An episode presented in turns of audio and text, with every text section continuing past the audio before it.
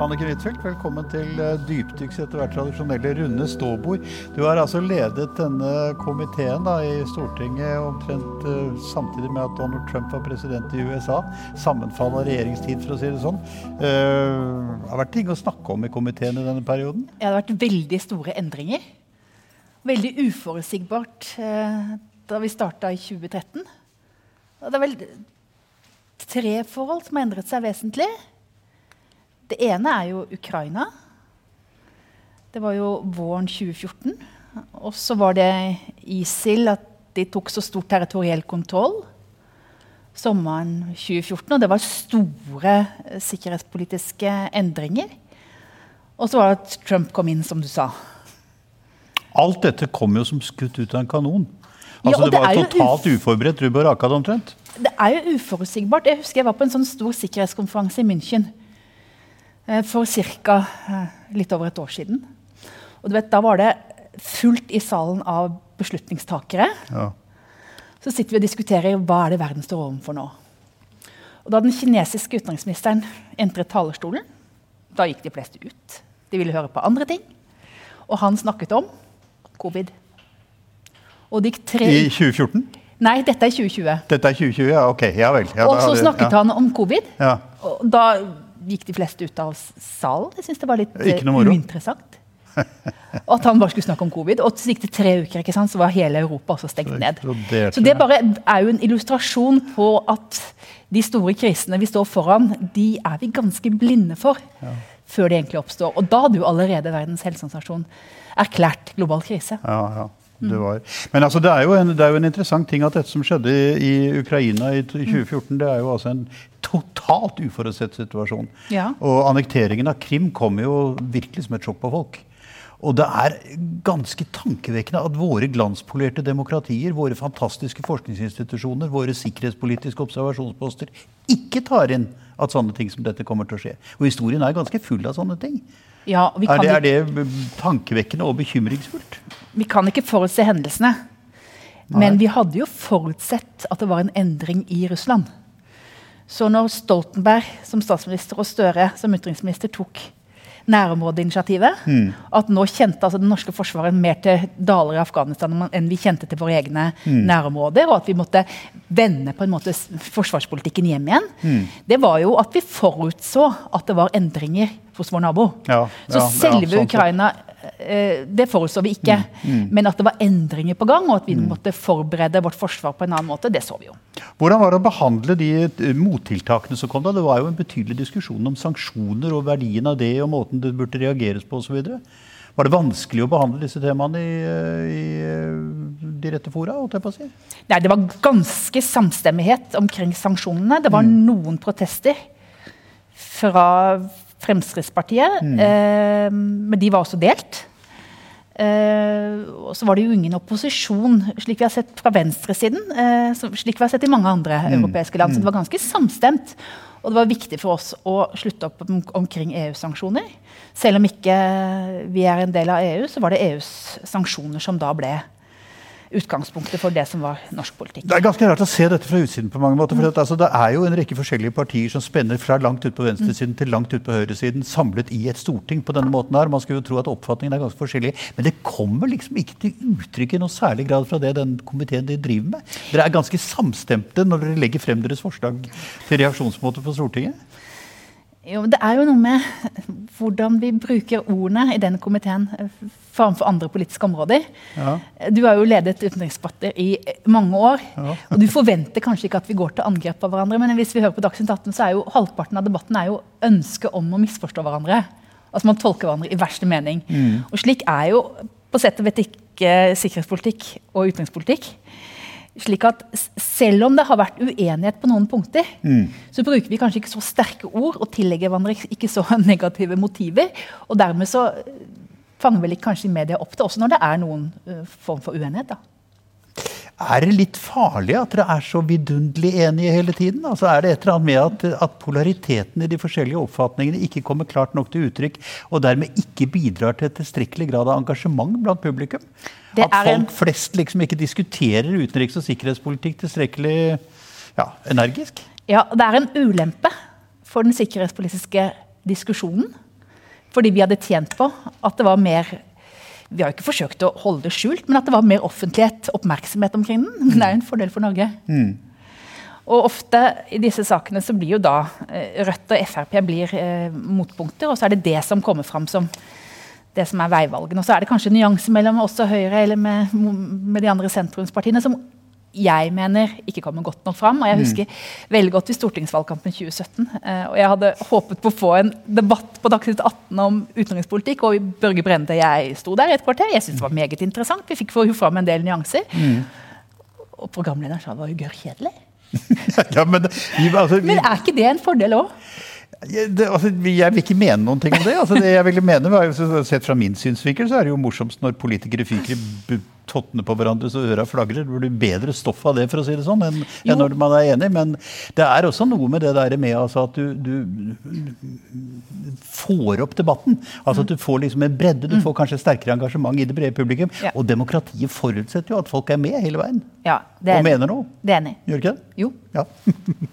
så det er en ulempe for diskusjonen. Ja at diskusjonen er så vidt lavmælt. Men, men er vi, er jo hele tiden, altså vi er jo hele tiden oppmerksom på at det vi bruker eh, nasjonalt, kan misbrukes i andre land. Ja, selvfølgelig. Mm. Så det er nok, preger nok diskusjonen i stor grad eh, i Norge. Men hvordan er situasjonen innenfor eh, komiteens fire vegger? Er det heftig? Før dere kommer frem med en sånn mer eller mindre omforent oppfatning? Det kan jo være diskusjoner. Ja. Det er jo helt åpenbart. Men det som folk ikke vet, er at utenrikskomiteen diskuterer jo lite politikk. Men det er den utvidede utenrikskomiteen, som ja, består ja, av utenrikskomiteen pluss de mm. parlamentariske lederne. Mm. Det er det som er organet for regjeringens konsultasjon med Stortinget. For det mm. som skiller utenrikspolitikken fra all mm. annen politikk, er jo at lover og regler innenfor helseområdet eller skoleområdet eller arbeid må jo vedtas i Stortinget. Mm. Men her har jo regjeringen et fortrinnsrett. Så de har det som vi på Finn sier prerogativ, men de har også en plikt til å konsultere Stortinget. Slik at det er en annen form for eh, måten regjeringen forankrer sin utenrikspolitikk. Da. Hvis jeg kan ta et eksempel. Regjeringen ønsket jo å sende soldater til Mali. Eh, det kunne jo hende de hadde fått flertall for det, men de eh, så jo at her var det en uenighet mellom Høyre og Arbeiderpartiet. Og Derfor så valgte de å ikke sende norske spesialsoldater til Mali. Vi har jo vært enige om å delta i FN-operasjonen der, men det var da et eh, fransk initiativ.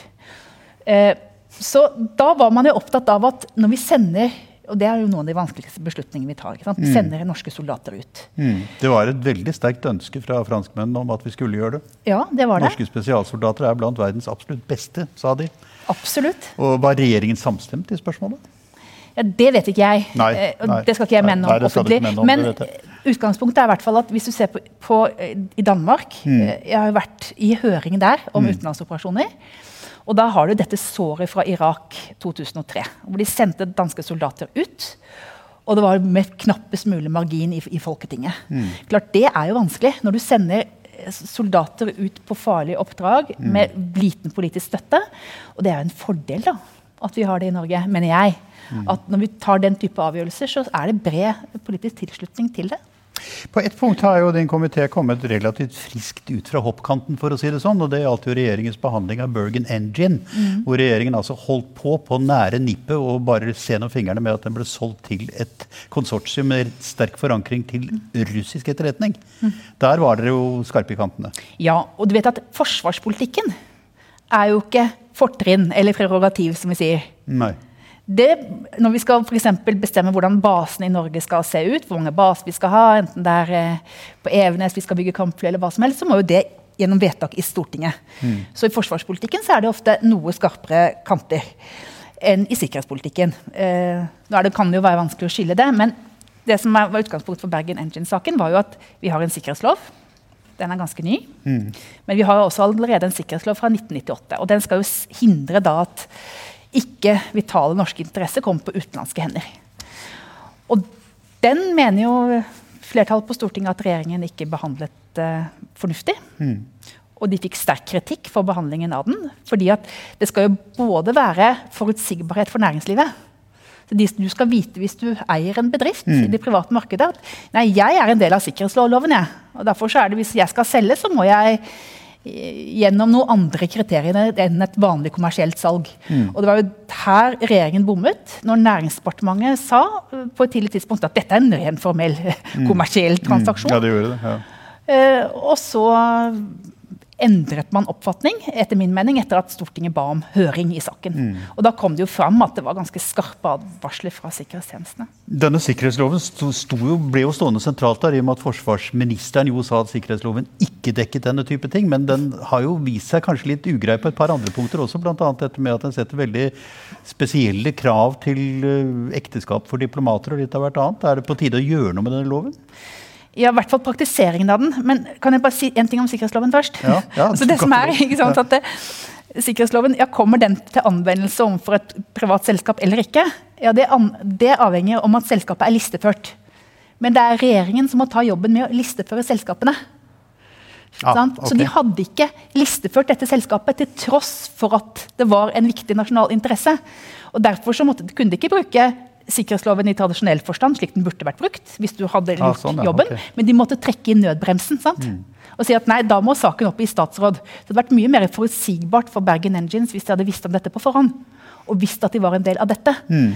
Når det gjelder sikkerhetsklarering, så, så, er det jo slik at det har nok vært for eh, liten individuell behandling av en del sikkerhetsklareringer. Jeg vil ikke mene så veldig mye politisk om det, for det er et, et spørsmål som NSM må, som er ansvarlig for disse mm. tingene. Men vi har sett en nå har jeg snakket med veldig mange mennesker som har vært gjennom den type sikkerhetsklarering. Mm. Og da er det jo ofte noen kriterier som du skal tikke av på, da, ikke sant? om ektefelle og familiære mm. forhold og sånn. Og at i starten hvert fall, så var det en veldig skjematisk.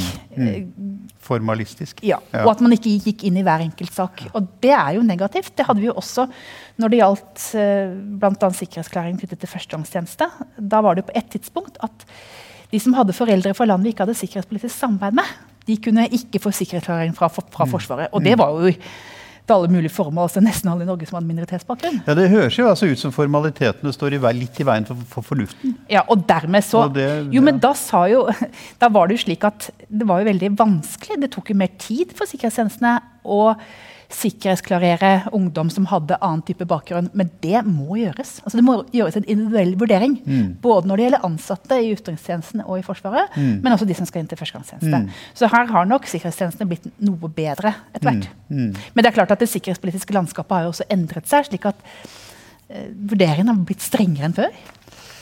Det er, det er, jo selvfølgelig et poeng, men altså, det er jo åpenbart at et eller annet kunne man gjøre med dette. Mm. Altså, jeg, jeg, hopper litt her nå, men for så vidt i forlengelsen av dette her. Altså, er det, eh, vil, du, oppfatte eh, som at presidentskiftet i USA har skapt et annet klima innenfor alliansen og alliansesamarbeidet? Og da tenker jeg i grunnen på tonen, formen, forutsigbarheten, tryggheten. Altså alle de elementene som da ja, skaper en litt ro rundt dette temaet da, vi holdt jo Vi satt jo stille i båten mye. Mm. Men vi var jo mye mer engstelige, tror jeg, de fleste som er opptatt av sikkerhetspolitikk, enn det vi sa. Fordi at han stilte spørsmål ved artikkel 5, som er liksom mm. hele ja. kjernen i alliansen. Og det Norge da hadde kjørt hardt på ikke sant, med dette med nærområdene igjen osv. Ja. Ja, altså, det, som er, det som er for Norge, ikke sant, er at vi kan godt si at vi skal finne et alternativ til USA. Mm. Men altså, hvis du ser hva som er på russisk side, mm. og sammenligner med hva som er på norsk, så er det en sånn gigantisk asymmetri. Mm. at Det er ikke noe troverdig avskrekking uten at du snakker om, om, amerikansk engasjement. Så slik at Når vår viktigste allierte stiller spørsmål ved artikkel 5, mm. da er det en fare for Norge. det er klart det, Og det var jo hans uforutsigbarhet som også kunne eskalere. altså Utenriksministeren sa jo hele tiden at um, det er um, ord, og ikke, vi må vurdere hva han gjør, ikke ordene hans. men når du er president i USA, så har ordene dine ganske stor makt. Altså. Han, han, skramlet jo noe voldsomt med kasserollelokkene, hvis man kan bruke en sånn metafor. Men innholdsmessig sett så var det jo for så vidt ikke så veldig mye nytt av i det han sa når han krevet større europeisk innsats i Nato. da. Så helt uforberedt er jo ikke dette. Men det har vært en diskusjon så lenge jeg har holdt på med dette, og det begynner jo å nærme seg ja, 100 år. Ja, Det var jo det som var Natos generalsekretær store genistrekk. Ja. Dette med 2 %-målet, at vi skulle øke ja. forsvarsbudsjettene, ja. det ble jo vedtatt under Obama. Men Stoltenberg fikk jo Trump til å tro at dette var noe han hadde funnet opp selv. Ja da, ja da. Slik at han hadde et veldig stor eierforhold til dette 2 %-målet, som hadde blitt vedtatt i Nato allerede. Og han fulgte med på disse tabellene hele tiden og så en bedring.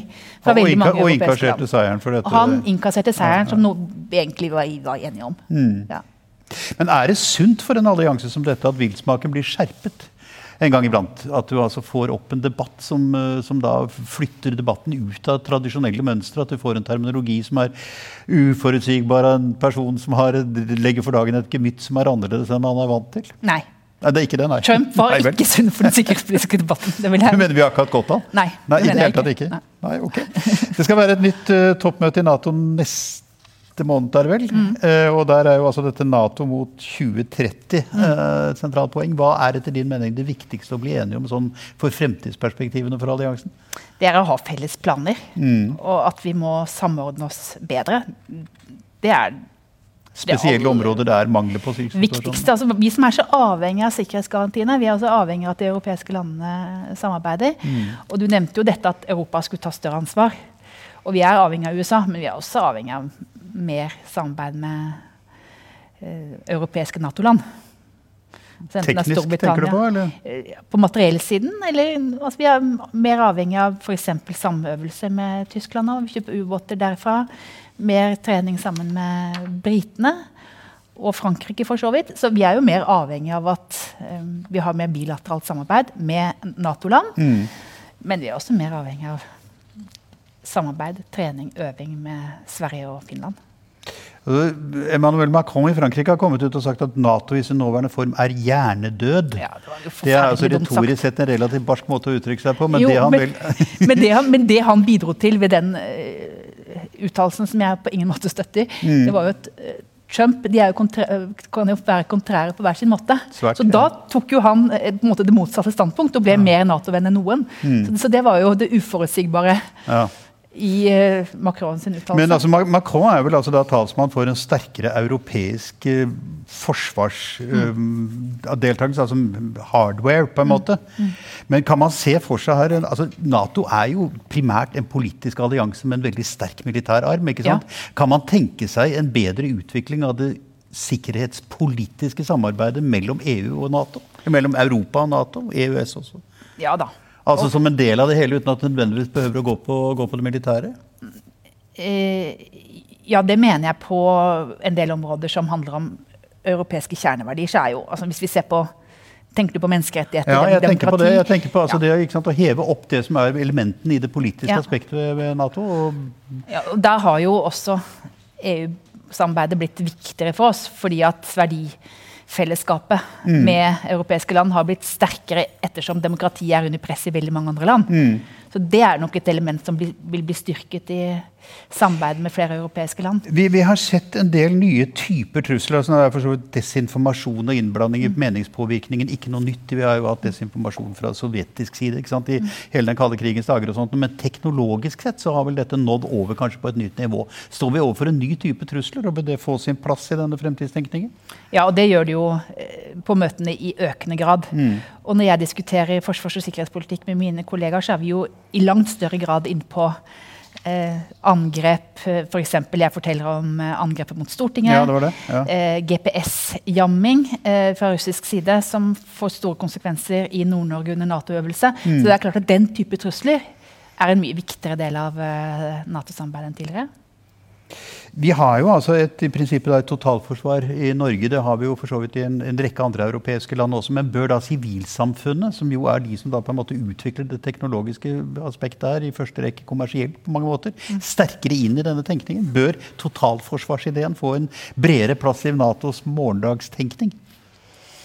Ja, det må i hvert fall få en sterkere plass i eh, norsk forsvarsdiskusjon, hvor vi kan bruke alle ressursene på en hensiktsmessig måte.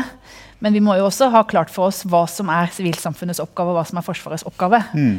Og der har vi i Norge eh, veldig klare regler for når vi kan bruke Forsvaret overfor et sivilsamfunn. Og du har jo vært med såpass lenge at du husker jo den gangen politiet ba om hjelp under Alta-aksjonen fra Forsvaret. Ja, husker jo det. Og Stoltenberg sa nei. Ja. Så i Norge har vi veldig klare regler. Ja. Men det er jo dette terrorelementet ja. som har gjort at vi er jo helt avhengig fra hjelp fra Forsvaret til sivilsamfunnet. eh, hvis vi hadde vært utsatt for et veldig stort terrorangrep med flere involverte enn det vi har vært. Vi har vært mm. utsatt for et stort terrorangrep, men det var én mm. mann uten våpentrening. Mm. Og det var jo veldig krevende for oss å håndtere. Men mm. hvis vi har flere utenlandske terrorister, da er vi helt avhengig av at Forsvaret og sivilsamfunnet eh, men, eh, og politiet da samarbeider. Jeg refererer litt, altså Vi hadde jo før deg, En sistemann før deg på mm. dette runde bord var altså etterretningssjefen. og det mm. Han sier at han ønsker seg jo en større grad av bevissthet ja, om de truslene som rammer oss. At ja. det er på en måte en del av det hele. altså Den mentale beredskapen som en del av beredskapen totalt. Ja, og Det gjelder jo også ikke når det gjelder infrastruktur, som har blitt veldig forandret i løpet av de årene som har gått mens jeg har vært leder av utenriks- og forsvarskomiteen. Eh, det ene er jo at Da regjeringen gikk på, så var de opptatt av å selge ut andeler i både Nammo og i Kongsberg. Mm. Det har de forandret total mening på, mm. fordi de mm. ser at dette er så viktig. Mm. Nasjonal interesse. Og så er det jo veldig mye diskusjon om 5G-nettet. Det er mm. diskusjon om hvem skal eie flyplasser. Eh, hvem skal eie havner, eh, og at det er nasjonal infrastruktur. Så Først så kunne du tenke deg at en del av disse diskusjonene var en slags høyre-venstre-akse. Mm. Med høyresiden mente det ene og venstresiden mente det andre. Men nå har det fått en ny dimensjon, for nå har det en sikkerhetspolitisk dimensjon. Mm. Og det har jo også hatt diskusjon på Grønland eh, med flyplasser, hvem som skal eie dem. Mm. Er det internasjonale selskaper vi ikke vet hvem som eier flyplassene? Eller skal det være liksom, dansk mm. eiendom? Mm. Så dette er jo blitt en mye viktigere del av dis diskusjonen. Ja, at infrastrukturen må være nasjonalt eiet. Og det peker jo også etterretningen på, at det er større fare for at man får inn eiere som man ikke vet egentlig hvem er. da. Er det et dilemma, dette her? Altså, nå går jeg litt mm. utenom holdt jeg på å si, mm. logikken her. Men altså, er, det, er, det, et dilemma at uh, den potensielle motparten for Nato tenker i et mer sammensveiset bilde, hvor det sivile og det militære, altså grensene mellom dem, ikke er så markert som de er i vår måte å tenke på i Vesten? Du vet at det, altså, det, Jeg er jo veldig, veldig eh, motstander av å sammenligne eh, Kina og Sovjetunionen under den kalde krigen. For da tror jeg vi gjør veldig mange ja. feil. Mm. hvis vi bare tenker at dette er det nye, mm. og at det er det samme som det gamle. Altså, mm. Det vi snakket om innledningsvis. altså Du ja, ja. må bare ikke altså, eh, tenke at det er det samme. Men det som er den hovedforskjellen, er jo også at Kina er en økonomisk supermakt. Det var jo aldri Sovjetunionen. slik at de har sterke kommersielle interesser. Mm. Og vi har sterke interesser av å handle med, med dem. Mm. Vi ønsker jo handel med Kina. Eh, men så har vi noen eh, sikkerhetspolitiske elementer av dette som vi må ta inn over oss. Men vi har jo ikke en interesse av å eh, sikkerhetspolitisere handelspolitikken. NATO utenfor Nato, holdt jeg på å si. Nå trekker altså amerikanerne de siste styrkene ut fra Afghanistan. Mm. og Vi har vært der i et uh, betydelig antall år. Vi skulle lage demokrati, og alt skulle bli så fint. Det er kanskje ikke blitt helt som vi ville ha det. Uh, har det vært dumt å være med? Vi skulle ikke lage demokrati, og alt skulle bli fint. Nei, vi skulle sørge for at det demokratiet som var laget allerede, skulle Nei, fungere? Skulle det vi skulle gjøre, var å hindre at det ble et oppmarsjområde for internasjonal terror. I utgangspunktet? Ja. ja. Og så en av metodene var å lage demokrati? Ja, og så gikk vi inn for å stabilisere etterpå. Ja. Og det har jo vært mye tyngre mm. og vanskeligere mm. enn det vi så for oss. Jeg husker vi satt i regjeringen i 2012. Jeg tenkte når er det exit, og vi må ha snart exit. Ja. Og så er det først nå. ikke sant? Så ingen av oss hadde sett for oss at det skulle vare så lenge. Eh, så det er jo noen lærdommer fra den Afghanistan-evalueringen som har gjort at vi har gjort andre ting når vi har gått inn i Irak, men som også kanskje gjorde at vi ventet for lenge med å stanse ISIL i Syria. Fordi vi hadde negative erfaringer. Sosialantropologer og andre med et sånt ikke-militært mm. og ikke aktivt politisk innfallsvinkel, men altså rent sånn forskningsmessig, mm. har jo sagt fra dag én at dette nytter ikke. At dette kan dere ikke få til med Afghanistan. Mm. Og det er vel en del som kom og sa at den måten Vesten reagerte på når det gjaldt Balkan, også heller ikke var helt grei. Er det en fare for at det apparatet vi har utviklet i den vestlige verden, i Nato-sammenheng, i demokratiene våre, ikke er i stand til å se hva som skjer ordentlig? Og Du var inne på dette med krim. ikke sant? For du mm. sier at Vi visste jo at noe kom til å skje et eller annet på en eller annen måte, men vi visste ikke hva. Men det er vel ingen andre vitenskaper som heller kan forutse hva Nei, som kommer til å se. Men, nei, det er komplekst, det, men... er det. Men det å si at når du står i en vanskelig situasjon mm. uh, og si at det beste er å gjøre ingenting eh, mm. Dette er jo et område som jeg har diskutert med folk på venstresiden ganske mye. da. Mm. Men ikke sant? vi var mot invasjonen den amerikanske i Irak i 2003. Mm. Også et eksempel på ganske tverrpolitisk enighet, da, for det var jo Høyre for. Mm. Vi var mot, og så ble det ikke noe av. Det mener jeg var bra. Men når vi først bestemte oss, USA bestemte seg for å gå inn, så gikk det mm. ut min mening ut for fort. fordi at du fikk en ustabil stat. Mm. Så bestemte vi oss for å gå inn. På en annen måte enn i Afghanistan. Nemlig ikke kjempe krigen mot terror sjøl, men sette irakiske og andre myndigheter mm. i stand til å kjempe krigen mot terror på egen hånd. Ja. For, fordi at da unngår du at utenlandske soldater tilstedeværelse på sett og vis bidrar til å øke oppslutningen. Mm. Og da kommer mitt poeng, da. Og da er det mange som sier at de var imot det. Men da jeg var og snakket med kurdiske ledere i Erbil, mm. så ba de altså ikke om tepper. De ba ikke om skoler eller sykehus. De ba om beskyttelse. Mm.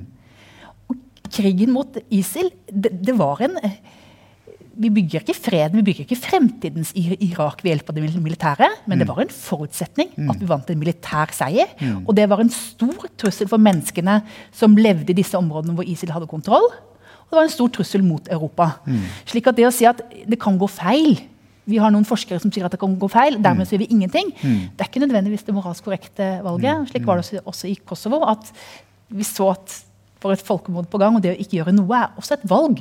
ja, det er jo det. Men hva, hva, kan, hva, sånn litt fremtidskonklusjon kan vi trekke av dette? her? Bør Nato holde seg unna area-operasjoner? For å stille spørsmålet veldig banalt. Eller bør vi være mer tilbakeholdne med det? Vi har jo blitt mye mer tilbakeholdne. Mm. Og i tilfelle ISILs frammarsj for lenge. Mm. Tror jeg vi kan se som en helt klar lærdom da, at vi var så Hadde vel delte eh, erfaring med operasjoner i andre land, slik at viljen til å gå inn var vel mindre. Altså, ta et annet eksempel. da. De kurdiske områdene i Nord-Syria. Mm. Da sa amerikanerne vi vil ut. Mm. Vi orker ikke være mer. Eh, det er såpass eh, lite amerikanske interesser her. Mm. Kan de europeiske landene ta større ansvar? Mm. De ønsket at vi, at vi skulle gjøre, gjøre, det. Vi mm. sa nei. Mm. Alle som en. Og hva skjedde? Tyrkia rykket inn og ville fordrive den kurdiske befolkningen. Så det å gå ut da blir det et maktvakuum som mm. veldig raskt fylles av andre. Mm. Slik at det kan bli verre. Mm. Så jeg mener nok at hvis vi skal tenke operasjoner i fremtiden, så må jo Natos rolle i større grad være å Det vi har gjort i Irak de siste årene, er jo å styrke mm. og trene og øve mm. sikkerhetsstyrkene i de landene hvor vi mm. er. Slik at ikke utenlandske soldater bidrar til å øke oppslutningen, for det kan de gjøre omkring terrorgrupper, men at man trene folk da, til å mm. ta dette sikkerhetsarbeidet på egen hånd. Mm. Og vi som, Jeg er jo opptatt av humanitær bistand. Ja, og det er jo noe av det samme når man trener sikkerhetsfolk. altså ja. Trener politiet og trener Forsvaret er jo å sette dem i stand til å ta vare på folks sikkerhet. Ja, det og det er jo det er jo grunnleggende. Og, ikke, og det, er mer, det, er ikke noe mindre moralsk, det. Neida. Å trene politiet i et land enn å gi, gi, hjelp til skoleadministrasjon eller til sykehus. Ja, jeg vil tro det, og det er jo altså også, Du kan jo også anføre som et argument for det at det du gjør, er jo da å oppdra mm. tenkningen. altså Du kan forplante en del av de humanitære prinsippene som den vestlige verden da mener at de har, inn i den type uh, grupperinger, befolkninger ja. osv. Men altså når det gjelder dette med, med, med synet på nærområdene, er, må, må, vi se i øynene at Russland er i ferd med å seile opp som en større trussel? Om det ikke er det rent fysisk, så ser det kanskje sånn ut. Og det har vel en slags effekt i seg selv? Hva syns du om det? De er jo eh, annerledes enn det vi så for oss for en del år siden. Ja. Eh, så det er klart at selv om Kina seiler opp til å bli det som amerikanerne vurderer som viktigst, så er det jo Russland som er det store temaet i våre eh, områder. Og et område hvor vi må forvente at vi i Europa tar større ansvar i tida som kommer. Mm. Så vi ser jo at de trener mer i våre områder. De trener på angrep. Det er jo ikke slik en nabo bør oppføre seg. Så er det jo også et poeng at en god del av disse avtalene som blir inngått etter utrettelig diplomati, en ikke altfor fjern fremtid, og da tenker jeg liksom på CFE-avtalen ikke sant, om konvensjonelle våpen, om INF, om kort eh, mellomdistanse atomvåpen, Start om de store ballistiske osv. De er jo nill and void, de er borte. Og det er jo også disse inspeksjonsregimene, altså denne kontakten vi hadde. Så det er jo blitt en mer robust tone i, i forholdet. Ja, og det, det verste som har skjedd i min tid, da jeg kommer med politikken da atomarsenalene i verden var enorme. Ja. Og det var jo blitt Galskap? It was mad? Ja, det var mad. Og vi tenker ikke hvor stor, vi glemmer ofte hvor stor betydning disse nedrustningsavtalene hadde. Mm, -hmm. Og når de går opp i liminga og Da var jeg nervøs når Trump satt ved roret. Mm. Om han da ville utplassere mellomdistanseraketter i en del europeiske land, for eksempel, som kanskje mm. ville vært tilbøyelig til å si ja, ja takk. Mm. Og det kunne jo øke spenningen i våre nærområder. Så Det er jo en av de store truslene i vår tid, at disse nedrustningsregimene som har vært så vellykket, at de går opp i liminga. Men hvordan vurderer du det? Altså, russerne har jo lagt seg til en noe mer robust måte å opptre på. Altså, de går tettere inn på norske områder med, mm. med flyvirksomhet. De har tøffere øvelser. De har trappet veldig opp sine militære installasjoner rundt Arktis osv. Og, så videre, og, så og du ser vel en barskere tone også i retorikken rundt dette. Altså Det at det har vært nå en uh, amerikansk atomundervannsbåt der oppe, har jo fått altså, pressetalskvinnen for det russiske forsvaret til å snakke om innledning på tredje verdenskrig. Ja, det er sånne ord, ikke sant? Jo, det er ord, ja. Som er uh, uansvarlig. Gjør, gjør, det noe, gjør, det noe, virkning? Jo, men det må man jo venne seg litt til. Ja. Så hvis vi skal føre en politikk som aldri blir kritisert fra Russland, så vil det være den totale ettergivenhet. Så vi skal jo ikke være den provoserende part. Vi har jo ingen interesse av det. Vi skal jo holde lav spenning. Mm. Så vi skal ikke bruke de hardeste ordene. Mm. Eh, men vi kan jo ikke forvente at det ikke blir protest. Mm. Det er jo ettergivenhet. Ja, altså siden, siden, Natos begynnelse så har jo Norge kjørt en, en, en, beroligelsespolitikk, altså en avspenningspolitikk overfor russerne. Og russerne, altså Sovjetunionen har jo akseptert Norge da, så lenge Norge er herre i eget hus. Mm. Men problemet blir vel at hvis denne retorikken og hvis denne mer robuste måten å opptre på avføder et barskere reaksjonsmønster hos våre allierte. F.eks. briter og amerikanere og canadiere som ligger i det samme området og har interesser i det samme området. Vil det da skade Norges evne til å holde den tonen gående overfor Russland? Så det vi har interesse av, er å ha kontroll sjøl i våre ja, egne ja. nærområder. Ja. Eh, derfor er det noen som sier eh, at vi bør ikke ruste opp fordi vi bør ikke øke spenningen i nord. Det er jo motsatt. Jo sterkere nasjonalt forsvar vi har, ja jo mindre behov er det for alliert tilstedeværelse. Eh, slik at Hvis man f.eks. tar til orde for å eh, ikke kjøpe halvparten av F-35 eller kansellere hele det kjøpet, så er jo alternativet at de allierte er der til stede for oss. Så det er jo mindre spenning når vi har disse kapasitetene på egen hånd. Og det var jo også grunnen til at når vi hadde en ny langtidsplan for Forsvaret, den forrige, mm. så var jo spørsmålet skal vi ha nye overvåkningsfly eller ikke. Vi har jo noen som fungerer ganske bra. Hvorfor skal vi ha de beste? Trenger vi egentlig det? Og da var mitt standpunkt der skal vi være best. Mm. For det er jo her det er viktig at det er vi og ikke allierte som overvåker våre egne mm, nærområder. Mm, mm, ja. Så det er jo det vi må sørge for. Mm. Eh, og så er det et tilleggsmoment at jeg mener at mer samøving med Sverige og Finland er noe vi kan gjøre i de områdene hvor vi helst ikke ser at de allierte er. Mm. Eh, for de er da ikke medlem av Nato, så de kan jo være til stede i disse områdene. Så dette er jo eh, det vi legger til grunn for alle store militære øvelser. Vi hadde, en militær øvelse i ja, Lakseelv, Porsangmoen. Var, det var jo en nasjonaløvelse. Det var den mm. første siden 1968. ikke sant? Men mm. det var jo ikke en alliert øvelse. Så vi har kontroll i Finnmark. Vi har kontroll i Du har ikke en alliert øvelse, nei? Nei, nei det var en ren norsk mm. øvelse. Mm. Så vi legger jo en del av de samme prinsippene til grunn. Mm. At vi skal være sterke sjøl. At vi skal ha nasjonal kontroll. Mm. Altså, hvis du ser for deg de to elementene, altså sterkere, mer barsk retorikk mm. og et mer robust handlingsmønster rent militært, mm. kan det oppfattes som en måte å teste Norges evne og vilje til å forsvare seg på også? Og kan det da være riktig å øh, øh, å si, biffe opp den reaksjonsmåten en smule for å møte dette? Var det et naivt spørsmål? Altså, vi skal ikke være de aggressive. Det har aldri vært Norges rolle. Vi kan jo ikke være det. Men, vi er jo et jo lite, konsekvent og bestemt land ja. som sier fra klart og tydelig. Men altså, det å skremme for Norge, mm. det er jo ikke vår stil. Og vi har jo heller ikke mulighet til å skremme så mange. Vi må jo bare kjøre på det som er internasjonal lov og rett. Mm. Så har vi allierte i en tilfelle en krisesituasjon. Mm. Eh, men det har jo aldri vært eh, Norges stil, det. Altså, denne tonen er jo vært noe vi har vært kjent for i historien. Du husker jo sikkert eh, fra historien den gangen vår utenriksminister Lie dro fra London til Moskva mm. 1944. Mm. Over Molotov, som da var Russlands utenriksminister, sa at ja, Svalbard det skal være delt mellom oss to. Ja. Det var en ganske hard retorikk, så vi er jo blitt vant til det. Ja. Og det er jo derfor vi er så Men det er jo altså dette poenget med at russerne må da se at vi er herre i eget hus, i den forstand at vi, altså vi på en måte legger tonen for hvordan forsvaret i nordområdene skal være. Norge er Nato i nord. ikke sant? Ja, og vi har kontroll sjøl, og vi har de beste kapasitetene sjøl. Men da må jeg spørre, blir det da et dilemma når vi er såpass avhengig av amerikansk innsats i nordområdene som vi er? For man kan jo altså lett tenke seg som analytiker, vil jeg tro, da, i, i Kreml, eller altså i, i, hovedkvarteret der, at når amerikanerne kommer, så vil amerikanerne gjøre det amerikanerne vil. Og da kan ikke Norge gjøre så veldig mye med det, hvis de først kommer i den situasjonen at de må trå til og redde Norge i en krisesituasjon. Ja, men Det er jo to elementer her. Mm. Vi har kontroll i våre områder i fredstid. Og i tilfelle en krise, mm. så er det jo annerledes. Så vi bygger jo, ja, både ja, på mm. ja.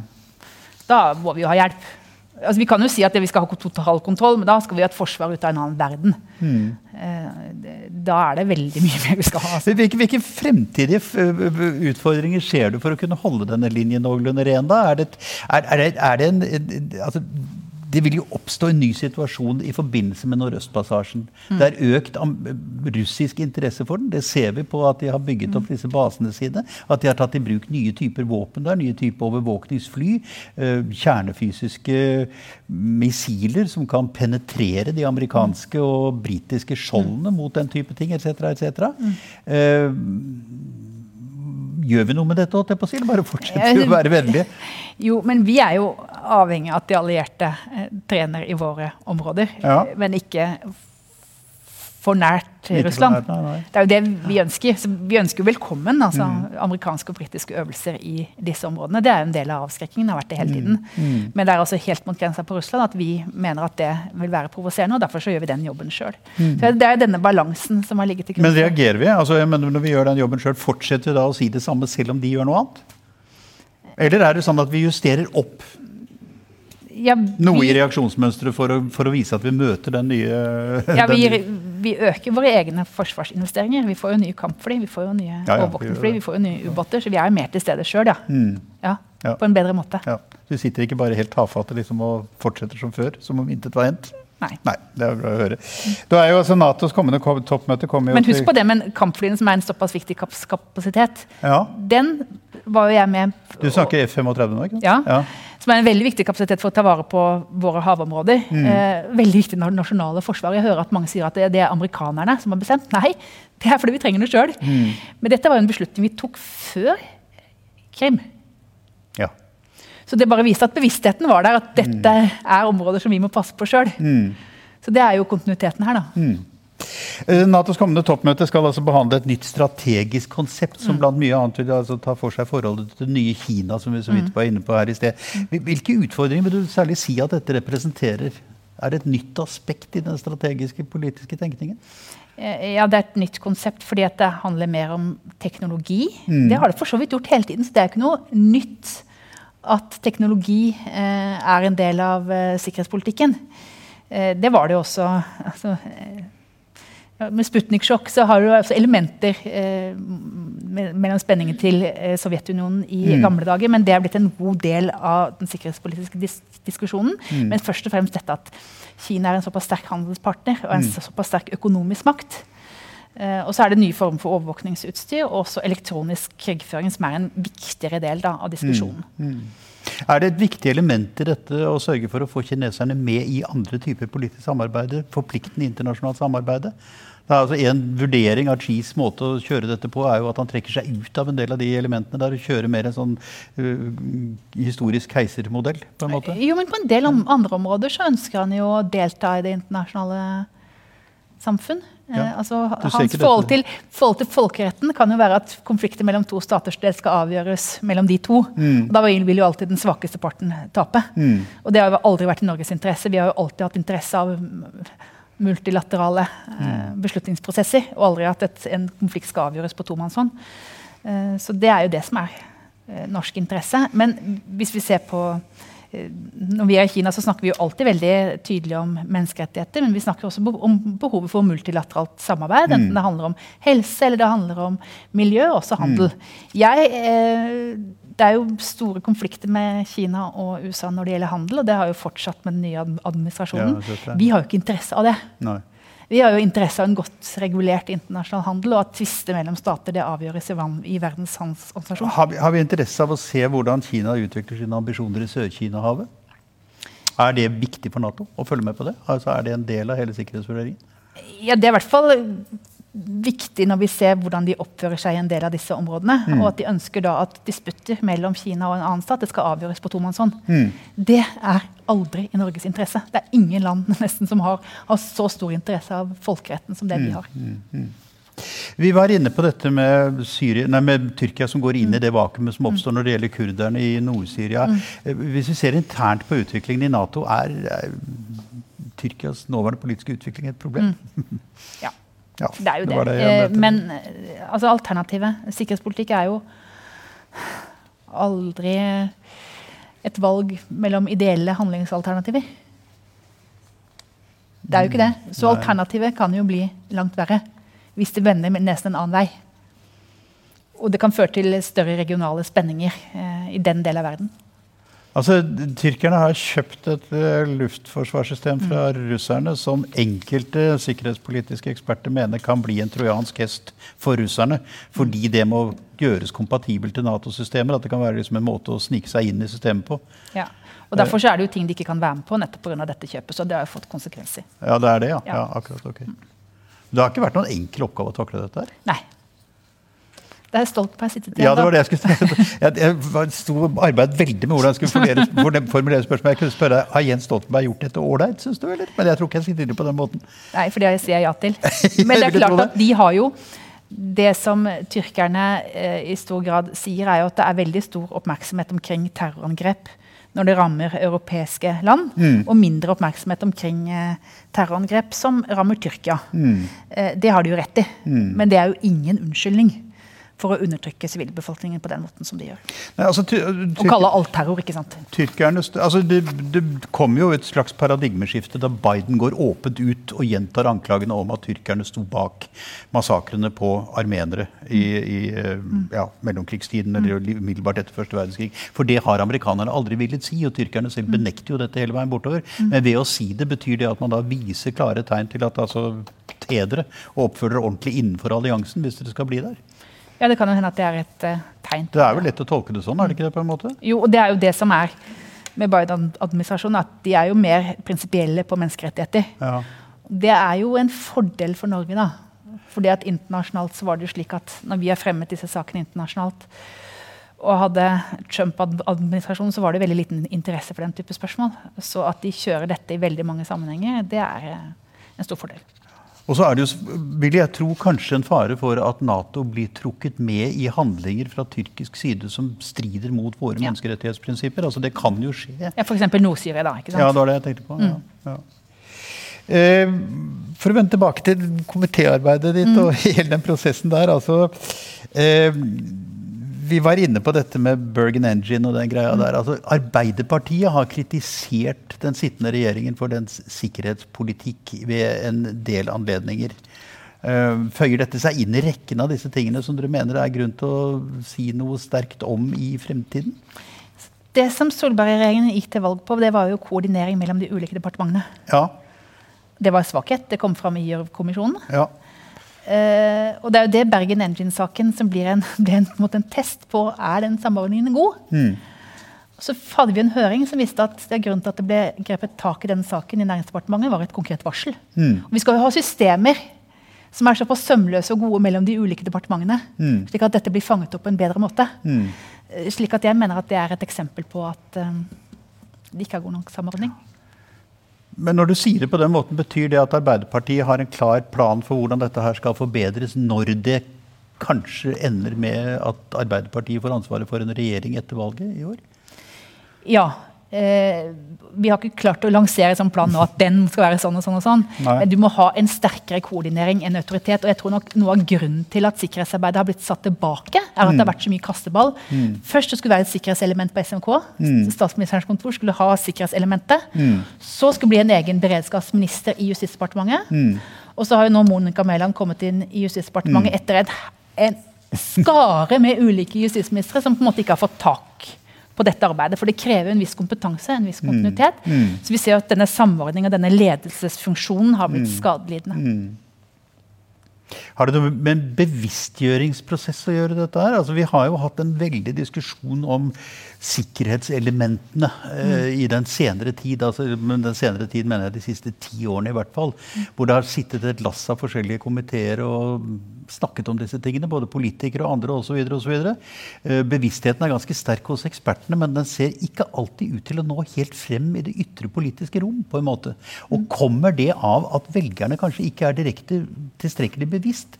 Altså, Lever vi i en for stor grad av tilfredshet og ro og trygghet i dette landet? At vi liksom ikke skjønner tingene ordentlig? Jeg tror ikke nå lenger. Nei, etter... Det er jo veldig forskjellig, da. At folk er mer opptatt av eh, trygghet. Folk er mye mm. mer opptatt av sikkerhetspolitikk og mm. forsvarspolitikk. Altså, pandemien har jo vist hvor sårbare vi har. Ja, eh, ja. Angrepet mot oss for ti år siden, ja, 22.07. Ja. Så dette er nok eh, dette er det større bevissthet omkring mm. enn det det var da jeg ble med i politikk på 90-tallet. Mm.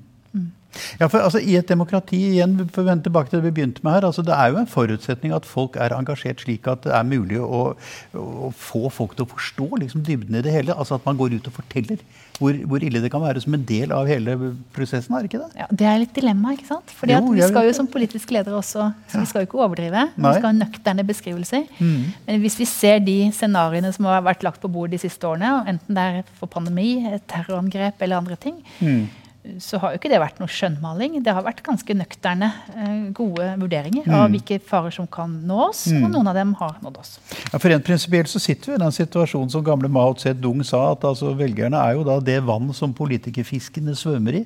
Ja. Altså Det må jo være en grad av surstoff som holder, holder politikerfiskene flytende. på en måte, og Det er jo meningene, altså holdningene. ikke ja. sant? Ja.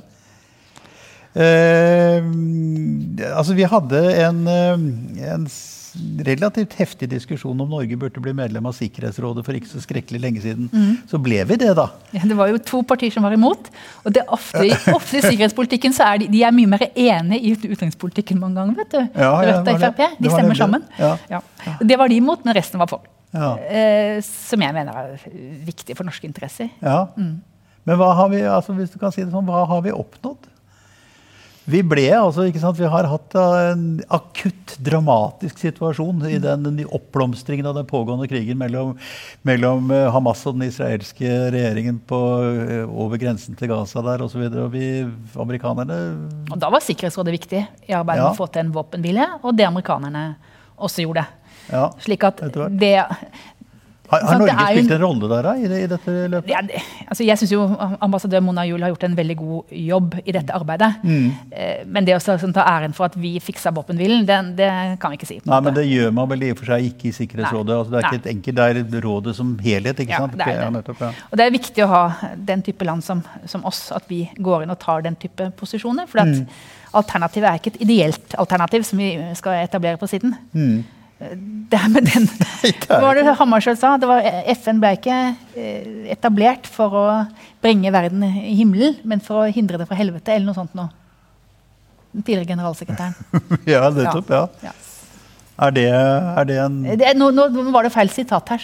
Han sa, han sa noe Jeg er ikke 100% sånn. sikker på at det var helt riktig. Men, altså, never mind, altså, ja. men, hvis du kan trekke en konklusjon på det, så må det jo da være at, at, hovedsaken er å forhindre at det går til helvete, og ikke nødvendigvis prøve å få det til å gå til himmelen. altså? Altså, sikkerhetspolitikk er jo aldri de ideelle valgene. Altså, vi tenkte annen verdenskrig, vi samarbeidet med Stalin. Det var ikke ideelt, det heller. Nei, Men nei. Uh, det skjedde da for å bekjempe nazismen. Uh, altså, hvordan vil da, på en måte, hvis vi kan prøve å dra det inn til et sånt stort, bredt bilde, hvordan vil utenrikspolitikken til en rød-grønn regjering ledet av Arbeiderpartiet se ut i forhold til den nåværende? Det blir en helt Det gjør jo ikke det. Det blir ikke noe helt Nei, det var det. Og det er jo en uh, fordel på mange måter. Mm. FNs sikkerhetsråd, En av grunnene til at vi kom godt ut i den uh, kampen om den posisjonen, var jo at det var skiftende regjeringer som hadde støttet det. Mm. I motsetning til i Canada.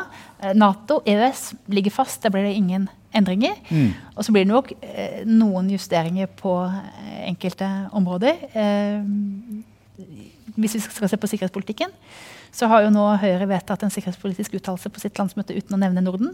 Jeg vil nok trekke inn samarbeid mm Norden, Sverige, Finland. Mm. I tråd med det som Stoltenberg-utvalget, altså ikke den unge, men ja, ja, den avdøde. Ja, samarbeid, det, ressurssamarbeid og hele det opplegget der. Der har vi veldig sterke tradisjoner, så det vil nok bli Men de ble vel også forsterket og utdypet umiddelbart etter Krim-annekteringen? For vi gikk da relativt aktivt inn for å forhindre at noe tilsvarende skulle skje med de baltiske land. Og der var det jo et nordisk samarbeid på kryss og tvers.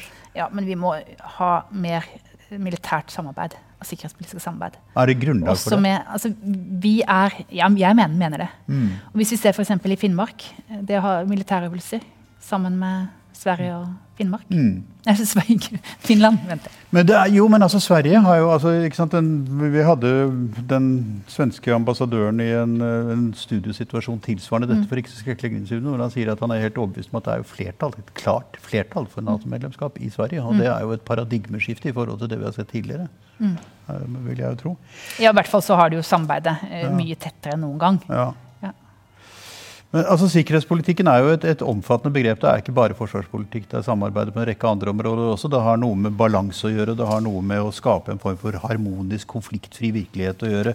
En ja-velger, nei, en A-velger er en ja-velger, var det mm. slagordet til Trygve Bratteli. Fra 1972, da, da, valgkampen var der. Nå er det jo vel da kanskje slik at en rød-grønn regjering med Arbeiderpartiet ledes med å ha forskjellig syn på europeisk samarbeidet. Ja, som det nåværende. For å si det forsiktig. Ja. ja. Men altså, det er ganske markert. Så spørsmålet er Er det stadig slik? Altså jeg mener, Er den viljen til et europeisk samarbeid like sterkt forankret i Arbeiderpartiet? Hvis vi ser på opinionsmålinger, da, mm. så har jo etter brexit så har jo oppslutningen om EØS økt. Ja. Eh, det er flertall for EØS-avtalen i alle partier unntatt Rødt. Eh, slik at det mener jeg liksom, en klar lærdom ja, vel, for de som okay. å, var, uh... valgte å gå ut. Slik at det, jeg tar aldri møtt på noen Arbeiderpartimøter. Jeg har reist rundt ganske mye og, og, opplevd at noen har tatt opp nei til EØS-avtalen. Men det har vært ulmet om dette i LO, blant annet? Ja, i LO har det vært noe, men det er ikke de som har vært medlem av Arbeiderpartiet. Ok. Ja. Så du ser ikke noen fare for at vi kommer til den situasjonen at dette EØS-samarbeidet, som vel må sies å ha virket veldig bra for Norge, uansett om du mener at det er et drawback at vi ikke da er med i den beslutningsprosessen på samme måten, så er det vel altså, Det har jo, det har jo dempet en del uh, problemer. EØS-avtalen det er liksom bunnplanken. Det ja. og Nato der, det er bunnplanker. Ja. Du, er, du ser veldig du, du, står der trygg som en planke, du. Også. Ja, men det er liksom Det er ikke spennende engang. Liksom. Ja, det er ikke det, da? Så du merker det her vel? Ok, Du regner ikke med at det blir et problem? Nei. Med Senterpartiet i en eller annen EØS-avtalen, den er eh, men den er altså, bunnsolid. Og det er jo ingen, altså som jeg sier, det er heller ikke noen diskusjon om det i Arbeiderpartiet. Nei. Nei. Det, det, som har skjedd de siste årene, er jo at eh, det også på høyresiden og i Frp har vært mer kritikk av EØS-avtalen enn det som har vært tidligere. Slik at det har vært noe mer mm. kritikk av måten EØS-avtalen fungerer. Og så har vi diskutert hvordan vi kan bruke handlingsrommet på ulike måter. Men det er jo diskusjoner som jeg også møter når jeg møter venner i andre europeiske land, at de ser på handlingsrommet. Og så mm. er det jo litt artig da, på disse europeiske møtene som vi stadig deltar på, at vi har jo nå for, mer formell posisjon enn det britene har. Og de kommer jo mm. til oss nå ikke sant, Brittene, og spør hva gjør jeg på EU-møter nå. når jeg ikke er medlem. ja, det var det, ja. Tar jeg ordet? Når tar jeg ordet? Hvordan ja. gjør jeg det? Ja. Så det er litt artig. Vi har hatt masse britiske delegasjoner på, på besøk for å se på måten EØS-avtalen fungerer. Nå ble jo allerede noen løsning for dem. Nei, det kunne jo ikke bli det. Altså, det kunne, det kunne jo ikke bli det, fordi Vi ville jo ikke ha felles arbeidsmarked. Så det var jo aldri noe alternativ å gå vår vei. Eh, men det er litt artig da at når vi sitter på disse møtene, så kommer de til å spørre oss om hvordan de skal oppføre seg på Men, men det, er vel, det, er vel, også et poeng at denne avtalen hadde jo spesielt utgangspunkt på et spesielt tidspunkt i utviklingen. Så du kan ikke uten videre vente at EU ville gå med på en tilsvarende avtale Nettopp, og Det er det som er hele det... poenget. ikke sant? At EFTA og EF var ganske jevnstore den ja. gangen denne eh, ble inngått. Og nå er det 27-3. ikke sant? Skulle tro at du skal få det samme hvis vi skal reforhandle. Ja. Det er jo litt sånn illusjoner å si at ja, vi prøver på nytt, vi. Ja. Når styrkeforholdet var den da vi forhandlet den frem, og er sånn nå. Ja. Ja, og hvilke interesser skulle de ha å gi oss enda bedre? Men altså, ja, Du virker trygg og glad. Altså, jeg, jeg, vil jo si det slik at Senterpartiet ser jo Bedre å være trygg og glad enn uh, sur og usikker? Nei, men altså Nei, nei da, nei da. Men jeg bare tenker på det at altså, Senterpartiet har jo støpt sin prinsipielle EU-medlemskap-motstand i nærmest uh, skuddsikker betong, på en måte. Og SV mener det SV mener om det allierte samarbeidet og sånn. Så spørsmålet er jo vil Arbeiderpartiet i den opplagt ledende posisjonen Arbeiderpartiet vil ha en slik regjering, være nødt til å spise kameler på tvers til frokost? Ikke på EØS og Nato. Nei, Men andre ting, da? Nei, ikke så mye som Erna Solberg. Hun har virkelig svelga den ene kamelen etter med Venstres russpolitikk og KrFs abortpolitikk, så det blir peanuts i forhold til hva hun har måttet svelge. Ja vel. Dette høres jo aldeles strålende ut for meg. Eh, la meg ta én ting på slutten her. og Det er altså forholdet til en annen ting som har vært et ganske betent element i norsk politikk, og antagelig kommer til å bli det videre fremover, nemlig forholdet til Israel. Mm. Og da tenker jeg ikke på Midtøsten generelt, mm. men fenomenet Israel med alt det representerer. Altså Arbeiderpartiet har jo hatt et veldig veldig positivt forhold til staten Israels dannelse fra starten av i 1948, men tingene har forandret seg, for det Israel er ikke hva det var. for å si Det på den måten. Det er helt det annerledes. Objektivt slå fast, kan vi ikke det? Mm. Hvordan ser du utviklingen? utviklingen av dette spørsmålet nå, særlig etter at den demografiske forandringen i Israel også har vært ganske påfallende? Ja, og Netanyahus største tabbe har jo vært å legge seg såpass opp til Trump. Slik at han har ja, jo ikke ja. amerikansk støtte på samme måte som han har hatt tidligere. Og slik at Dette er en debatt som foregår i veldig mange eh, europeiske land. Jeg tror det er eksepsjonelt viktig at vi er klokkeklare når det gjelder folkerettsbrudd som Israel begår. Mm. For er det noe vi er sårbare for i en uh, verden slik vi lever nå, er jo mm. dobbel standard. Mm. At vi har ett syn på folkerett i Ukraina og et annet syn når det gjelder Israels fol mm. folkerettsbrudd. Så, så, jeg mener at vi må være usedvanlig tydelige mm. på det. Mm. Og så har jo vi et ansvar også for å bidra på det palestinske sida. Der skulle de hatt valg. Vi burde hatt det for lenge siden. Mm. Det er nå utsatt. Mm.